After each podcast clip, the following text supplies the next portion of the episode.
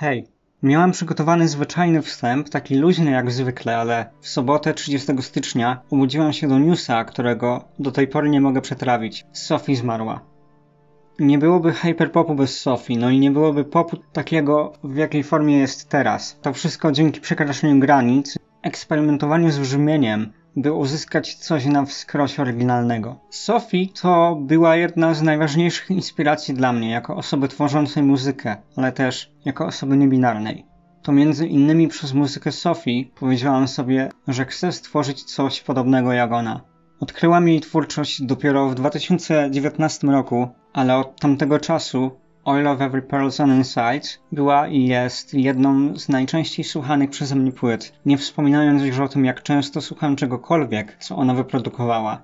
Muzyka Sophie towarzyszyła w różnych momentach mojego życia. Lato 2020 i Oil of Every Person Inside ta płyta leciała prawie codziennie u mnie. Kiedy czułam się źle z tym, kim jestem, albo z tym, jak postrzegają mnie inni ludzie, Sophie mówiła mi I could be anything I want. W godzinach osamotnienia mówiła It's okay to cry. Nie starczy palców, jeśli miałabym policzyć ile razy płakałam, tańczyłam, czy po prostu przeżywałam cokolwiek w rytm piosenek Sophie. Może nie mam momentów z twórczością Sophie, w których mogę wymienić poszczególne elementy produkcji, jakie wywarły na mnie wpływ, tak jak zrobili to inni na Facebooku na przykład. Jednak dla mnie ta producentka pozostanie niedoścignionym wzorem, bo Sophie sprawiła, że ponownie zakochałam się w muzyce, odkrywając bubblegum bass, odkrywając hyperpop. Żadna śmierć sławnej osoby nie wstrząsnęła mną tak bardzo jak jej. I podejrzewam, że jeszcze długo będę tym faktem wstrząśnięta. Rest in power, Sophie.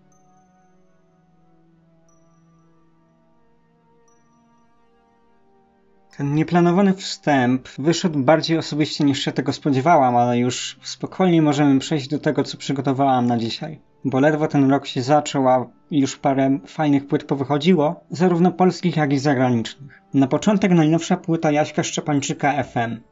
Jeśli ktoś nie kojarzy, to już mówię. Jasiek Szczepańczyk to producent najbardziej chyba w Niezalu kojarzony z prowadzenia labelu Who Am I Now Records i współpracy z Blush Canonem, Mary Magdalene, Kangaroo czy projektem Lios. Wspomniany przeze mnie label zakończył działalność w drugiej połowie zeszłego roku. Sam Jasiek Szczepańczyk wydał póki co dwie zdecydowanie warte uwagi płyty. Pierwsza ukazała się w 2020 roku i jest to zbiór ślicznie atmosferycznych, ambientowych kompozycji. Piosenki na tej płycie tworzą bardzo senną atmosferę, bardzo hipnotyczną też. To fajna płyta do wieczornych przemyśleń. Trochę szkoda, że nie wspomniano o niej więcej w zeszłym roku. No i teraz w styczniu wyszła druga płyta, FM. Płyta zbliżona charakterem do poprzedniej, ale w pewnym sensie nawet bardziej atmosferyczna. Piosenki, które się na niej znalazły, jeszcze lepiej budują klimat tajemniczości, jest w nich też dużo duszności i chłodu. Niektóre z nich tworzą atmosferę błogości. Bardzo fajnie się tej płyty słucha też wieczorami, chociaż ma ona w sobie specyficzny rodzaj energii. Hej, do spania bym raczej jej sobie nie puściła. Ambientowe podkłady stanowią najczęściej tło do melodeklamacji, Znalazło się na niej 12 utworów, tworzących 7 zamkniętych historii. Każda historia dobrze działa słuchana pojedynczo, ale też dobrze zazębia się z resztą i tworzy spójną brzmieniowo całość. Zimne syntezatory w intro przechodzą w pięknie melancholijny koniec lata z udziałem Kingi Rajczykowskiej. Ten utwór ma bardzo nostalgiczny charakter, a szum w tle dodaje sporo do nastroju oddanego w tekście nastroju końca lata, coraz chłodniejszych dni, tęsknoty za ciepłem. Kolejny z utworów z melodeklamacją, tym razem w wykonaniu Zuzi Łapki, to Lubię zasypiać o poranku. Tutaj mamy już bardzo błogi, bardzo senny klimat, zarówno w tekście, jak i w muzyce. Muzyce bardzo delikatnej i przyjemnie melodyjnej, chwilami wręcz właśnie błogiej. Następny utwór, Księżyc, z gościnnym udziałem Ani Łuczenko, tworzy już bardziej hipnotyczno-tajemniczy klimat. Raczej minimalistyczny podkład bardzo pomaga w budowaniu specyficznej atmosferyczności. W ogóle FM to płyta, na której można usłyszeć dużo pięknego szumu. Świetny klimat lo-fi. Bardzo mi się to podoba w ogrodzie z tekstem mówionym przez Maję Dachterę. Do tego ambientowy podkład znowu stwarza klimat tajemniczości. W następnej piosence można usłyszeć Blush Canona i jest to piosenka z tekstem hmm, pełnym goryczy, goryczy, rozczarowania. Mówi o jakiejś takiej totalnej rezygnacji i braku szczęścia w życiu. Mówi o niespełnionych miłościach, z którymi nie można sobie poradzić. Smutne to.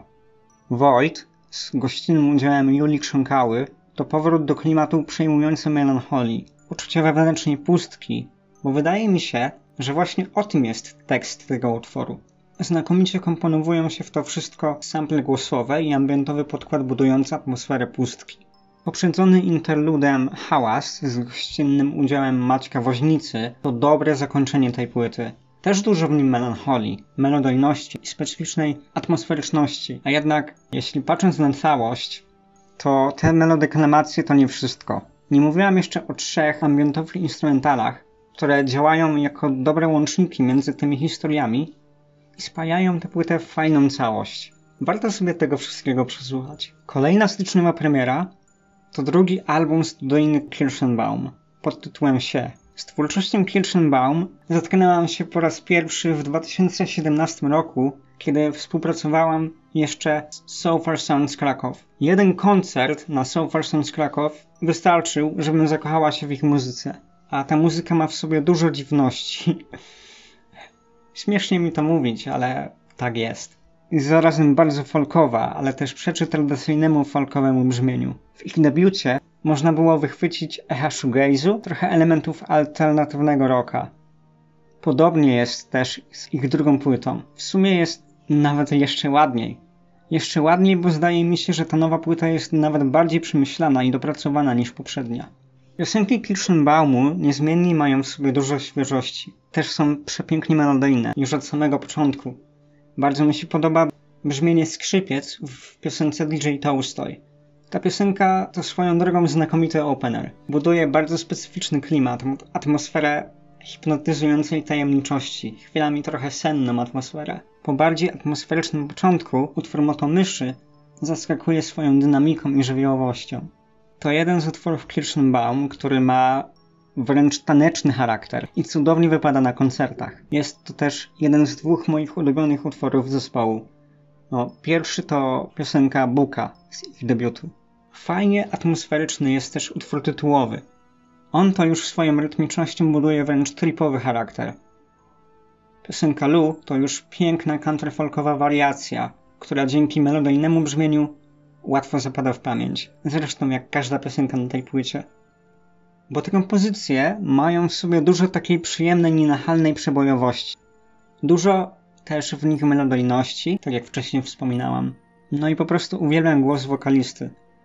Uwielbiam jego specyficzne frazowanie. Ten głos jest bardzo ekspresyjny momentami, na pewno dużo emocji przekazuje. Jest jeszcze utwór Batman w raju, kolejna perełka na tej płycie. Akurat w niej podoba mi się najbardziej to, jak balansuje między delikatnością i żywiołowością. No i oczywiście tekst piosenki, cudowna wizja zrezygnowanego i zmęczonego życiem, albo już nieżywego nawet Batmana. Ogólnie teksty piosenek na tej płycie to osobny temat. Nie ma ani jednego tekstu, który byłby nietrafiony. Każdy z nich opowiada świetną historię. Każdy z nich napisany jest specyficznym językiem bardzo. Te teksty są smutne, a zarazem wesołe. Pełne błyskotliwości, fajnej ironii i jest też w nich dużo surrealizmu. Choćby takie moto myszy, albo wers z piosenki pod tytułem Gagarin o Gagarinie, który Twitterem ogłasza wiedzę radosną. Te teksty niewątpliwie wyróżniają Kirschenbaum pośród wielu zespołów folkowych, neofolkowych czy nawet antyfolkowych. Zdecydowanie przykuwają uwagę. Te historie piosenkowe spaja w bardzo dobrą całość ostatni utwór, który trwa prawie 12 minut. Poniekąd powraca w nim melodia gitary z instrumentalnego Ostatnia bania Dymitra K. No i też sam utwór opowiada tę samą historię, a właściwie ją domyka. W tym utworze można usłyszeć Marcina Świetlickiego. Bardzo mnie to zaskoczyło. Mile zaskoczyło, bo z pewnością mega szanuję to, co tworzy Świetlicki jako poeta i jako muzyk. Słowa Świetlickiego bardzo pasowały się w stylistykę Kirchenbaum i muszę przyznać, że lepszego zakończenia takiej dobrej płyty sobie wyobrazić nie mogłam. Kolejna ważna styczniowa premiera to debiutancki album studyjny Mala Herba. Album nosi tytuł Demonologia. Bardzo czekałam na tę płytę, bo single Wszystko Marność, no i Kupały zapowiadały przynajmniej bardzo ciekawą płytę. bardzo ciekawą brzmieniowo. A i tak cała płyta pozytywnie mnie zaskoczyła. Warto zaznaczyć, że ta płyta została wydana w niemieckim labelu Aufnahme und Wiedergabe, a ten label jest od tak cudownej muzyki jak Lebanon Hanover, Die Selection czy La Fête Triste. No i przyznam, bardzo specyficzna ta muzyka. Jest w niej dużo folkowości, słysznej głównie w głosie muzyczki. Ale to wszystko jest niesamowicie atmosferyczne no bo mamy głównie do czynienia z brzmieniem Dark Wave i wplątanym w to wszystko EBM. Kojarzy mi się to wszystko momentami z piosenkami Boy Harsher. Zarówno dzięki specyficznej rytmiczności syntezatorowych brzmień, jak i dzięki głosowi muzyczki.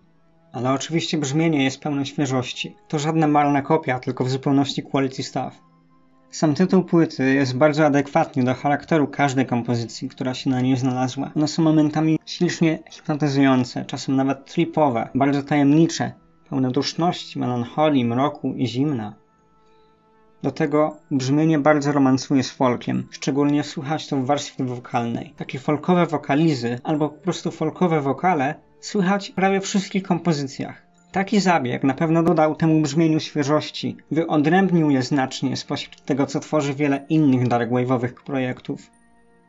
Demonologia ma w sobie specyficzną słowiańskość. To brzmienie mnie fascynuje, mnie hipnotyzuje, napełnia dziwnym rodzajem energii. Na pewno też bardzo angażuje.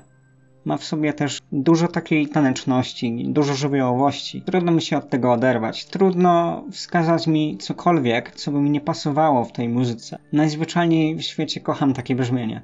Głównie za jego specyficzny klimat i melodyjność. No i jest to też piękna produkcja. Demonologia to znakomity debiut, o którym powinno się mówić. Powinno się dużo mówić. I tak już odejdę w tym odcinku od polskich premier bo 15 stycznia ukazała się najnowsza epka zespołu Beach Bunny pod tytułem Blame Game. O zespole Beach Bunny mówiłam przy okazji zagranicznej topki z zeszłego roku. Ten zespół to jedno z moich najważniejszych odkryć minionego roku. Bardzo, bardzo często słuchałam ich płyty Honeymoon, także czekałam na to nowe wydawnictwo. Czekałam, hype był duży. Nie raczej się przeliczyłam, bo Blame Game mnie w pewien sposób rozczarował. Piosenki z tej epki nie mają w sobie tak dużej siły przebicia, nie mają mocy i potencjału takiego jak, jak zawarto w tych piosenkach z Honeymoon. I szkoda. Może czekałam na kolejną petardę. Nie zrozumcie mnie źle, nie mówię, że to zła epka. Mimo wszystko te piosenki wciąż prezentują sobą porządny indie rock, ale po prostu są gorsze od tych starszych. Połowicznie udało się im mnie tak porwać, bo single Good Girls Don't Get Used od razu się w niego wkręciłem. Bo to fajnie melodyjny, przepięknie żywiołowy indie rock. Ma w sobie to, co najbardziej lubię w Beach Bunny. No i bardzo to dobry tekst. Ale już takie Lovesick i Nice Guys to po prostu takie sobie zwykłe, trochę nudnawe piosenki, które wywołują u mnie nic, tylko wzruszenie ramion. Nie wyróżniają się szczególnie, a szkoda, bo potencjał jednak mają. Zastanawiam się tylko, ale może zespołowi chodziło o taką prostotę, o taką lekkość, ale aż do tego stopnia, żeby nie były dla mnie jakoś szczególne te piosenki? No, utwory Zapki Prom Queen i wspomnianego wcześniej albumu też miały w sobie dużo pozornej prostoty i lekkości, więc albo te dwie się mniej im udały, albo po prostu potrzebuję więcej czasu, żeby się do nich przekonać. Co i tak sprawia, że nowa epka u mnie minusuje. Jednak muszę przyznać, że zespół trochę odkupuje się dzięki jak zawsze bardzo dobrym tekstom piosenek. Jeszcze bardzo podoba mi się utwór tytułowy. Dobre zamknięcie płyty i właśnie ta piosenka mocno wybrzmiewa i w pewien sposób też wyróżnia się dzięki emocjonalnemu tekstowi. Jak możecie zauważyć, mam dość niejednoznaczne zdanie o tej płycie. Chociaż jedno muszę stwierdzić, że jednak trochę się rozczarowałam. Ale wiary w Bunny nie tracę, bo to super zespół. Następna zagraniczna premiera, na którą czekałam, to drugi album studyjny zespołu Shame, Drunk Tank Pink. Ich debiut z 2018 roku był przecudowny, więc poprzeczkę sobie ustawili wysoko. I nie rozczarowali, wrócili z kolejną bardzo porządną płytą. Zupełnie nie jak Idols. Drunk Tank Pink to już od samego początku uderza hałaśliwą żywiołowością. Piosenki z tej płyty są właśnie takie bardzo żywiołowe, bardzo głośne momentami, pełne cudownej surowości. Taki utwór Alphabet świetnie sprawdza się na początku i dobrze buduje atmosferę obecną później w każdej piosence. No jest to jakby szorstkie, jakby brudne gitarowe brzmienie. Przede wszystkim jest na wskroś brytyjskie. Bardzo w duchu Brexit Core ta płyta jest. Głos wokalisty jest momentami bardzo mocno ekspresyjny.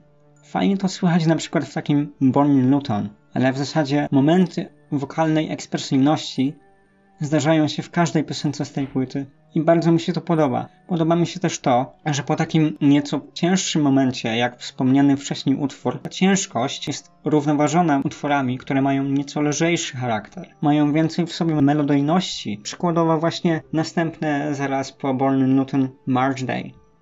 Mam też wrażenie, że idealnie by się do tych piosenek robiło pogo Surowość brzmienia tych piosenek, no i ta ich ekspresyjność sprzyja wyrzucaniu z siebie emocji. To jest muzyka, to są piosenki, których bardzo chciałabym doświadczyć na żywo. Doświadczyć tej postpunkowej, artpunkowej surowości i żywiołowości. Bo pewnie jeszcze większe wrażenie zrobiłoby na mnie to wtedy, a i tak uważam, że to bardzo porządny album. Na pewno lepszy od debiutu, jakby poziom wyżej, bardziej dopracowany. Słychać, że to wszystko jest bardziej ogarnięte, że brzmienie jest dobrze przemyślane, ale przy tym nie traci takiej fajnej świeżości. No i będę wracać do tej płyty, na pewno. Tydzień przed premierą nowej płyty Shame wyszła jeszcze jedna płyta, na którą czekałam. Trochę mniej czekałam, ale i tak. Chodzi mi o drugą płytę szwedzkiego zespołu Viagra Boys, Welfare Jazz. To też zespół, który w swojej twórczości łączy postpunk z artpunkiem, ale w ich piosenkach przewijają się też bardzo często elementy dancepunku. Bardzo lubię dancepunk, jeszcze bardziej lubię postpunk, więc takie połączenie mocno do mnie przemówiło przy okazji ich debiutu. Welfare Jazz nie zrobiła na mnie takiego wrażenia przy pierwszym przesłuchaniu, tak mi było z tym dziwnie głupio. Bo wiedziałam, że ta płyta spodobała się częściej sporej części moich znajomych na przykład, a u mnie to nie kliknęło po prostu. Więc poczekałam chwilę, włączyłam sobie ją po jakimś czasie i nadal nie zachwycam się tak mocno, ale widzę już w niej pozytywy. I uważam, że to płyta warta wspomnienia, warta zrecenzowania, bo jeśli ktoś nie słyszał o Viagra Boys, może polubi ich muzykę. Muszę przyznać, że Ain't Nice, czyli piosenka otwierająca płytę, to, to totalny banger. To bardzo przebojowy dance punk, fajnie przyplata ładne melodie z surowością gitar. Na pewno pozytywnie zaskoczył mnie też duet z Amy Taylor. No i brzmienie trąbki bardzo ładnie to wszystko łączy. Utwór Toad to już brzmieniowa blues rock prawie. Ma bardzo taneczny charakter. Into the Sun jest bardzo groovy. Pictures to już bardzo melodyjny dance punk, taki nienachalnie przebojowy, do potupania nóżką. Na pewno zgrabnie ogarnięty przerywnik od surowości i żywiołowości brzmienia. A to wszystko potem i tak powraca szybko, ale w formie instrumentalnego six shooter też robi wrażenie, jak dużo energii wyzwala we mnie ta muzyka. Tutaj znowu bardzo chciałabym doświadczyć tych piosenek na żywo, bo jestem pewna, że przemówiłyby do mnie o wiele bardziej niż na płycie. Z pozostałych piosenek bardzo mi się podoba jeszcze Girls and Boys. Miałam wrażenie, że to będzie jakiś cover piosenki Blair o tym samym tytule. W sumie fajnie byłoby usłyszeć dance punkowy cover Blair, ale jednak nie. To oryginalna piosenka tego zespołu. Pięknie hałaśliwy i żywiołowy dance punk. Podsumowując, Welfare Jazz wymagało ode mnie więcej przesłuchań. Ostatecznie muszę jednak stwierdzić, że lubię tę płytę, chociaż nie uważam, że byłaby jakaś, jakaś bardzo oryginalna. Na pewno też jest gorsza dla mnie od debiutu tego zespołu. Mimo wszystko polecam. Może ktoś się do niej przekona.